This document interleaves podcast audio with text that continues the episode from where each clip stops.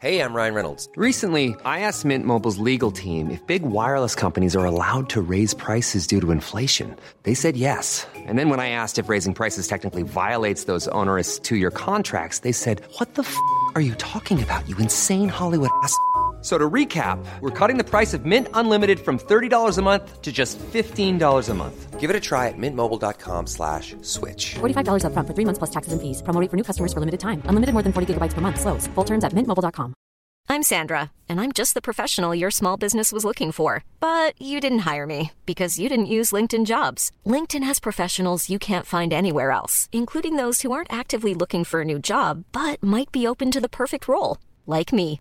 In a given month, over 70% of LinkedIn users don't visit other leading job sites. So if you're not looking on LinkedIn, you'll miss out on great candidates like Sandra. Start hiring professionals like a professional. Post your free job on linkedin.com/people today.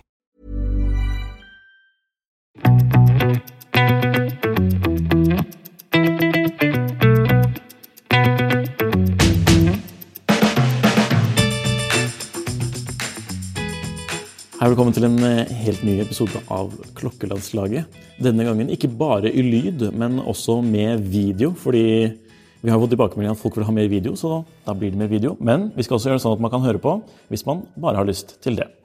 Eh, I dag så er jeg ikke i podkaststudio, heller ikke med meg Jon Henrik, så jeg er her egentlig alene. Eh, jeg er hos Blomkvist, som har klokkeauksjon. Og det er et sånn relativt nytt fenomen i Norge. I utlandet så er det jo veldig populært med f.eks. Philips, Sotheby's og andre store eh, aktører. Men i Norge litt sjelden at man har det sånn gjennom et eh, etablert auksjonshus. Da. Det finnes jo f.eks. auksjoner på nettsider og Facebook-grupper og så lignende.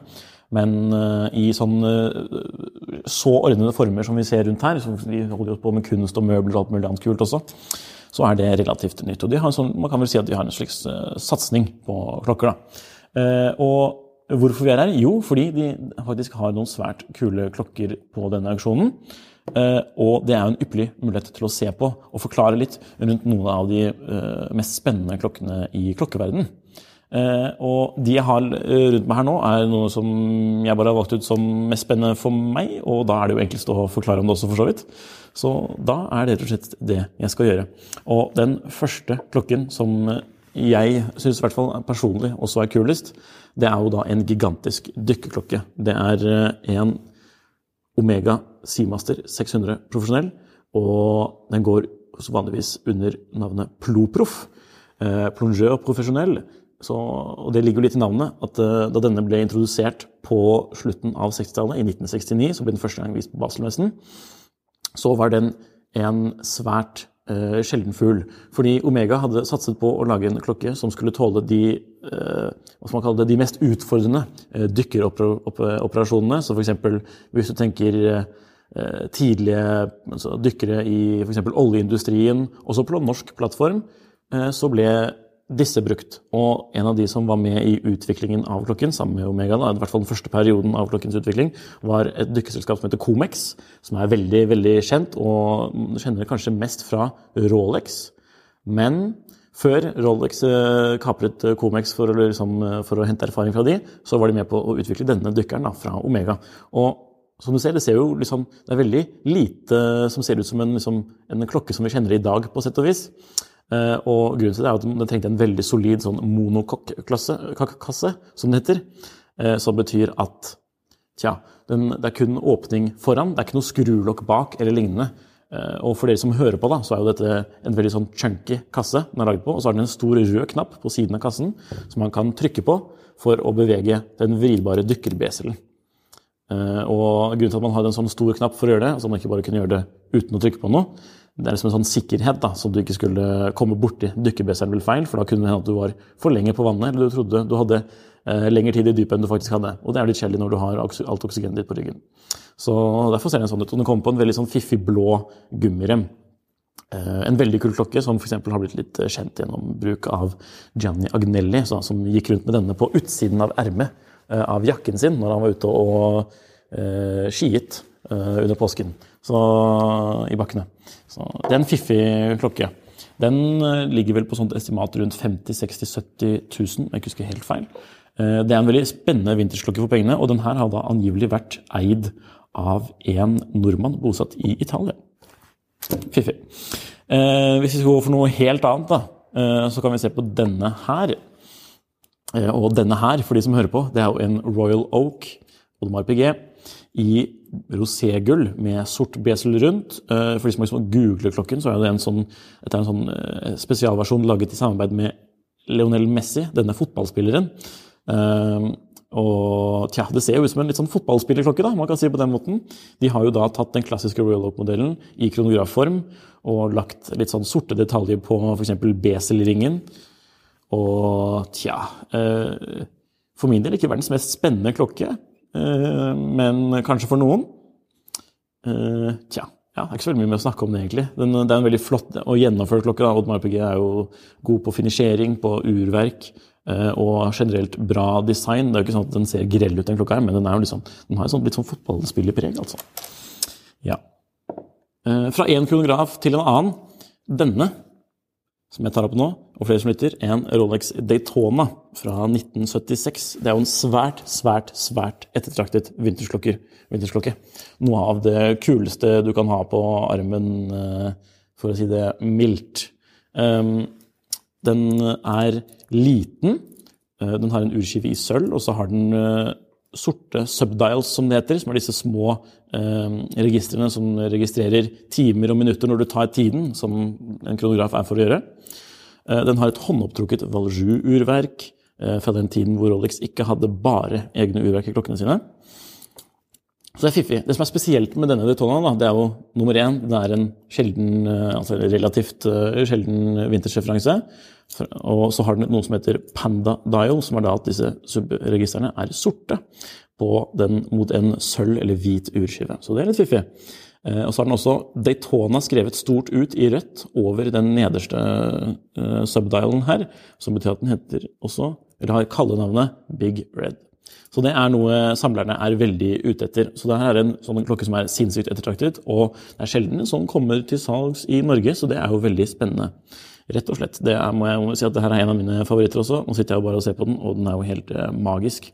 Selv om den er mye mindre enn det folk tror. Eh, for dagens eh, Daytona er jo to millimeter. Altså, to millimeter hører kanskje så lite ut, eh, men det har mye å si.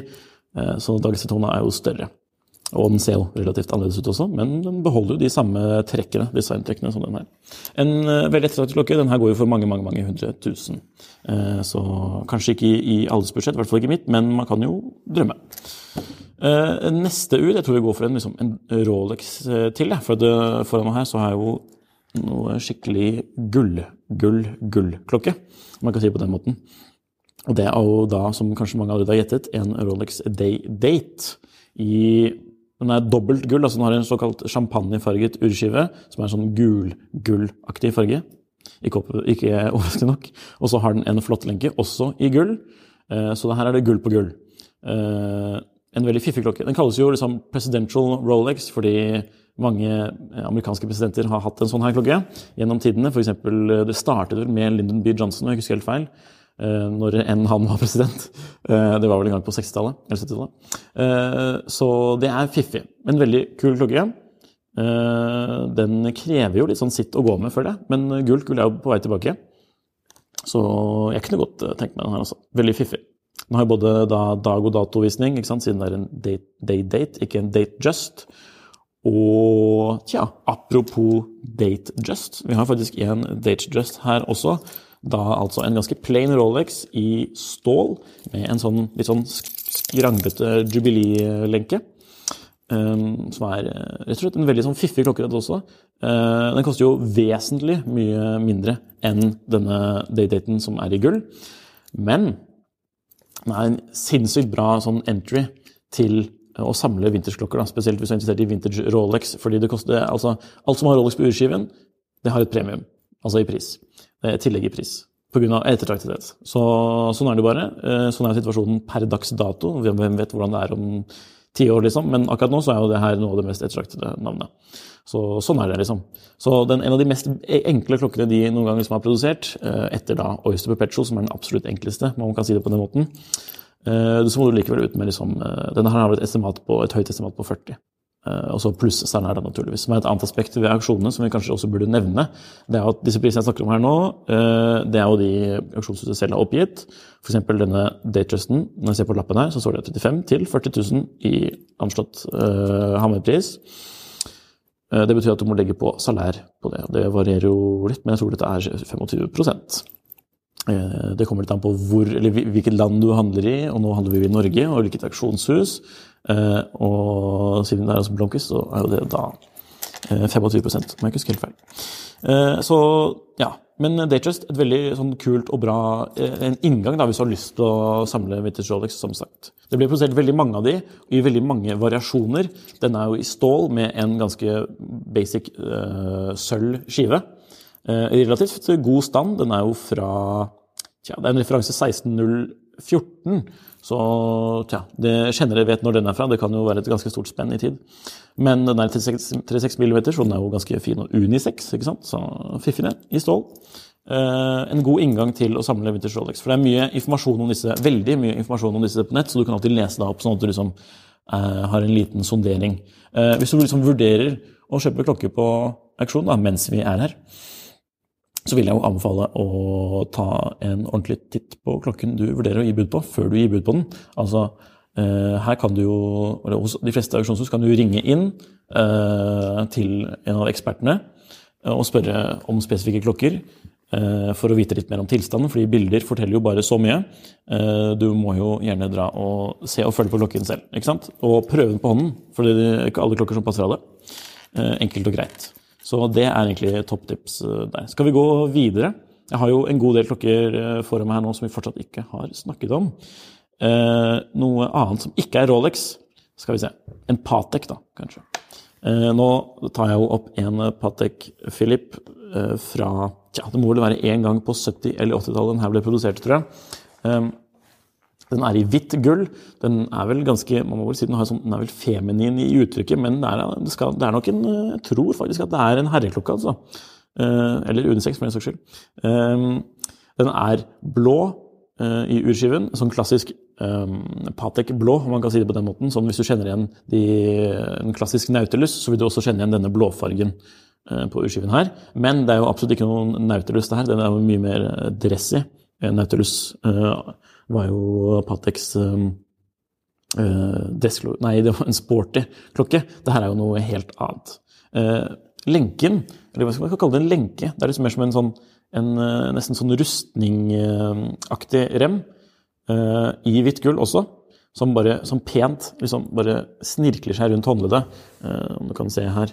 Og beselen er jo da dekorert med masse diamanter, eller briljanter. hvis man skal så er det, totalt, det er vel totalt 1,1 karat eller lignende. Ikke kåt meg på det. Men uh, tja. En fiffig klokke. Jeg kunne godt uh, brukt den, tror jeg. Skal, skal vi se. Ja, det går an, det, altså. Uh, 34 millimeter, så den er kanskje på den små Eller sånn den, den, den lille siden av størrelsesspekteret. Men veldig fiffig like så fremt. kul klokke. Ryan Reynolds here from Mint Mobile. With the price of just about everything going up during inflation, we thought we'd bring our prices down. So to help us, we brought in a reverse auctioneer, which is apparently a thing. Mint Mobile unlimited premium wireless. Have to get 30, 30, bit to get 30, bit to get 20, 20, 20, bit to get 20, 20, bit to get 15, 15, 15, 15 just 15 bucks a month. So, Give it a try at mintmobile.com/switch. slash $45 up front for 3 months plus taxes and fees. Promo for new customers for limited time. Unlimited more than 40 gigabytes per month slows. Full terms at mintmobile.com. Hiring for your small business? If you're not looking for professionals on LinkedIn, you're looking in the wrong place. That's like looking for your car keys in a fish tank. LinkedIn helps you hire professionals you can't find anywhere else, even those who aren't actively searching for a new job but might be open to the perfect role. In a given month, over 70% of LinkedIn users don't even visit other leading job sites. So start looking in the right place. With LinkedIn, you can hire professionals like a professional. Post your free job on linkedin.com slash people today. Skal vi gå i den litt mer sporty retningen, så tror jeg vi kan se på en annen klokke som er sånn veldig uh, kjent uh, for samlere. Og det er jo en Omega Seamaster 300. Det er jo en kjent dykkerklokke, utviklet også på 60-tallet. Den har jo også en viss Comex-historie, denne, i likhet med Ploproffen. men litt mer sagnomsust, muligens. Men uansett, en veldig proff og kul dykkerklokke som ble da var konkurrerte sterkt mot Rolex Submariner, f.eks.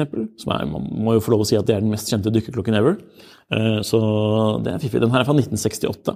En referanse 165024. Estimert til ca. 40 000-60 000. Så den har jo, for de som ser på, eller for de som lytter på, så har den en åpenbart uoriginal gummirem på seg. da, Så den har tydeligvis blitt brukt, og så har den blitt polert bak, ser det ut som, på urkassen her. Eller på baklokket. Så den har patina. Den har en veldig flott kremet patina på, på lumen her, som vi kaller det. Disse selvlysende markørene som er på urskiven, karakteristisk for en dykkerklokke. Og så har den en veldig morsom og fin besel. Den er jo da bidireksjonell, så man kan gå den både til høyre og til venstre. Så kan du høre, da, dere som hører på, på denne flotte klikkelyden som beselen lager, som er litt morsom. Ja, En veldig kul dykkerklokke, som sagt, fra 60-tallet. Den har kaliber 565, som Omega eh, har brukt en god del. Eh, og det kommer da med datovisning, eh, som ikke alle er så big fan av. Denne klokken kommer jo også uten datovisning. Og så var det noen prototyper med både dag og dato også, for den saks skyld. Kanskje så fiffig. Den har en veldig flott kasse, som har sånne flotte bevels, som det heter på fagspråket. Som betyr at, liksom, at, at eh, poleringen av kassen svinger seg. Eller altså eller, formen på kassen svinger seg. Om jeg kan si det på den måten. Veldig kult. Uh, vi har et par til her. Vi har enda en gammel dykkerklokke. Da skjønner, kanskje folk hva slags klokker jeg liker, siden jeg plukket de, men det er jo det ofte samler er ute etter også. Og det er jo det som gamle dykkerklokker også har veldig mye sånn morsom historie. Så det er jo ikke å skimse av. Her så holder jeg liksom um, Rolex billigklokke, skal man kalle det? Altså Rolex lillebror. Og det er en Tudor Submariner fra 1981. Det er en veldig interessant vintersklokke, fordi eh, det er jo Rolex som har produsert den, og det står Rolex på baksiden av eh, kassen her, altså på baklokket. Det er vanskelig å se, men eh, Og kronen er signert Rolex. Og Rolex produserte jo alt i disse klokkene, men Tudor Submariner ble introdusert som et billigere alternativ til Rolex Submariner, og forskjellen er da primært i eh, noen ørsmå eh, detaljer. Den står jo f.eks. Tudor på urskiven, eh, men det viktigste er på innsiden, hvor urverket da er et billigere, ikke egenprodusert ETA-urverk. Så en veldig kul klokke. Også en klassisk dykkerklokke, som sagt. Eh, i stål på en eh, godt brukt lenke her, med, som også er stemplet Rolex, for den saks skyld. Eh, og jeg kunne godt tenke meg å bruke den her. Altså, det er jo det er en veldig kul og veldig gjenkjennbar vintersklokke som er populær på markedet for øyeblikket. Så det betyr at også det medfører et høyere prisestimat, som er på den høye siden 90 fra auksjonshusets side. Da. Jo, jo, det som er morsomt da, med å sitte og se på gamle klokker, sånn som vi gjør nå, det er at du kan se liksom, mye av historien som klokken har levet. Her er det jo et, et pleksiglass i front, så det kan man gjerne ofte sjekke. Man hører det ganske enkelt ved å tappe på eh, pleksiglasset med fingeren. Du kan høre at det er liksom en helt annen lyd enn på f.eks. en klokke med safirglass. Um, og det var jo pleksiglass man ofte brukte på 60-tallet og tilbake, og litt, mer, og litt frem i tid også, for den saks skyld. Eh, og den har jo masse riper på seg, eh, men det kan man lett polere bort. Eh, bare som jeg har sagt, på plexiglass altså. Jeg vil absolutt ikke anbefale å polere vintersklokker sånn på kassen. Det er jo litt sånn fy-fy. Man vil gjerne at den skal se og være i sin originale form. Denne ser jo for så vidt ganske bra ut, uten at jeg har tatt den i nærmere øyesyn. Men den har litt bulker, litt sånne riper her og der. Men det er en sjarm som virkelig eh, passer på en bra vintersklokke. Da. Eh, jeg har også lyst på den klokken her, altså. Skal sies. Fin greie. Eh, det var jo flere militære sånne marineenheter som brukte disse. F.eks. kanadiske og franske, om jeg ikke husker helt feil, eh, i sin tid. Så det var ordentlige dykkerklokker laget for eh, proffe dykkere. Og nå kan man jo ta en når man er ute og drikker vin også. Og det er jo ikke å forakte. Så det er en morsom klokke. Da har vi jo gått gjennom en del klokker, men til slutt så har jeg en annen greie her som ligger pakket inn i en fin liten boks som ligger på utsiden av bordet. Og det er eh, som kanskje mange vil se, eller eh, for de som hører på, så er det jo åpenbart eh, når jeg sier en av verdens mest populære klokker akkurat nå, og det er en Patek Philippe Nautilus. Eh, første gang denne klokken ble introdusert, var jo på 70-tallet. 1976, om jeg ikke husker helt feil. Og det var jo som et svar, man kan kalle det det, på Royal Oaks eh, fra Audemars Piguet, som, hvor vi så en litt moderne versjon av den her tidligere. Eh, og det var altså en sportsklokke i stål fra et, et merke som vanligvis da lagde veldig dressy og kompliserte klokker i edelt metall. Eh, så Nautilus ved introduksjonen myntet seg jo med eh, på reklamene at de var en av de absolutt dyreste klokkene i stål du kunne erverve. Eh, så litt bleite kanskje, men også litt morsomt. Så det er jo liksom bakhistorien til Nautilus. da. Så Patex liksom sportsklokke i stål det var blant de rimeligere modellene de hadde. Men i dag så går de for mangedobling eh, av eh, retail-prisen. Det er jo veldig, veldig, veldig lange ventelister. Spesifikt den jeg holder i her i dag, det er jo faktisk ikke en standard Nautilus. Eh, for første gangen Nautilus ble introdusert, hadde den referansen 3700. Dette er en 3800, og forskjellen det er at denne er mindre. Den er en såkalt midsize. Eh, og den er istedenfor å være nærmere, altså godt over 40 mm, så er den 38, 39, 37,5. Det kommer litt an på hvordan du måler, for kan, som mange vet, og som dere som ser på, kan se, så har den jo sånne veldig aktige horn på siden av kassen. Og kronebeskytter, som det heter når det beskytter kronen på øh, høyresiden her. Fiffig klokke. Denne, dette spesifikke eksemplaret er jo i stål gull attpåtil. Så det er ikke bare Eh, litt sånn spesielt pga. den er litt mindre, men den er også i stål og gull. Og begge disse tingene betyr at den går billigere på bruktmarkedet enn en standard ville gjort, som kommer da i plain stål, vanligvis med en blå uh, urskive i vintersversjonen. Den er fra 1993. Uh, eh, veldig fiffig. Så, men er jo da som sagt ikke like, et, like ettertraktet som den større og de som er i helgull. Men uh, delgull, som dette heter, det er på vei tilbake, så det er jo verdt å følge med på. En eh, ja, rett og slett veldig kul klokke. Denne referansen ble første gang interessert i 1981. da. Eh, så det er eh, mye moro. Lenken er også ganske mm, for et mindre håndledd, som kan, mange kan se. Og så har den en flott sånn champagnefarget urskive. Det er jo en utrolig ikonisk klokke. En klassisk greie som man sjelden kan gå feil med. Man kan si det på den måten. Så ja, vi trenger jo ikke gjøre denne episoden lenger enn den trenger å være. Eh, så da var jo det highlightene da, som vi syns eh, var her kulest, rett og slett.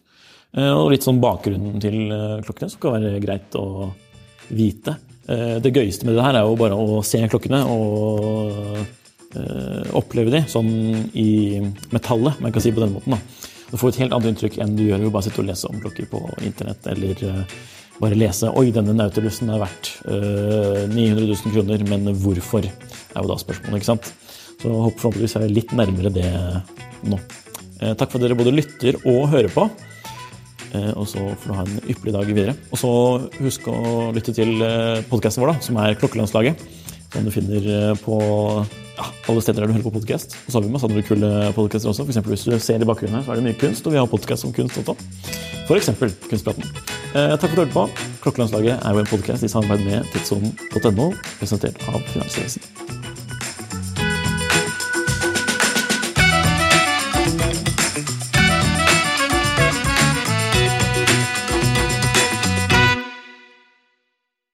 Klokkelandslaget er en Finansavisen-podkast i samarbeid med Tidso. Programleder er Nicolai Giel og Jon Henrik Haraldsen. Produsent er Lars Brenden Skram. Podkast- og videoansvarlig er Marius Mørk Larsen, og ansvarlig redaktør er Trygve Hegnar.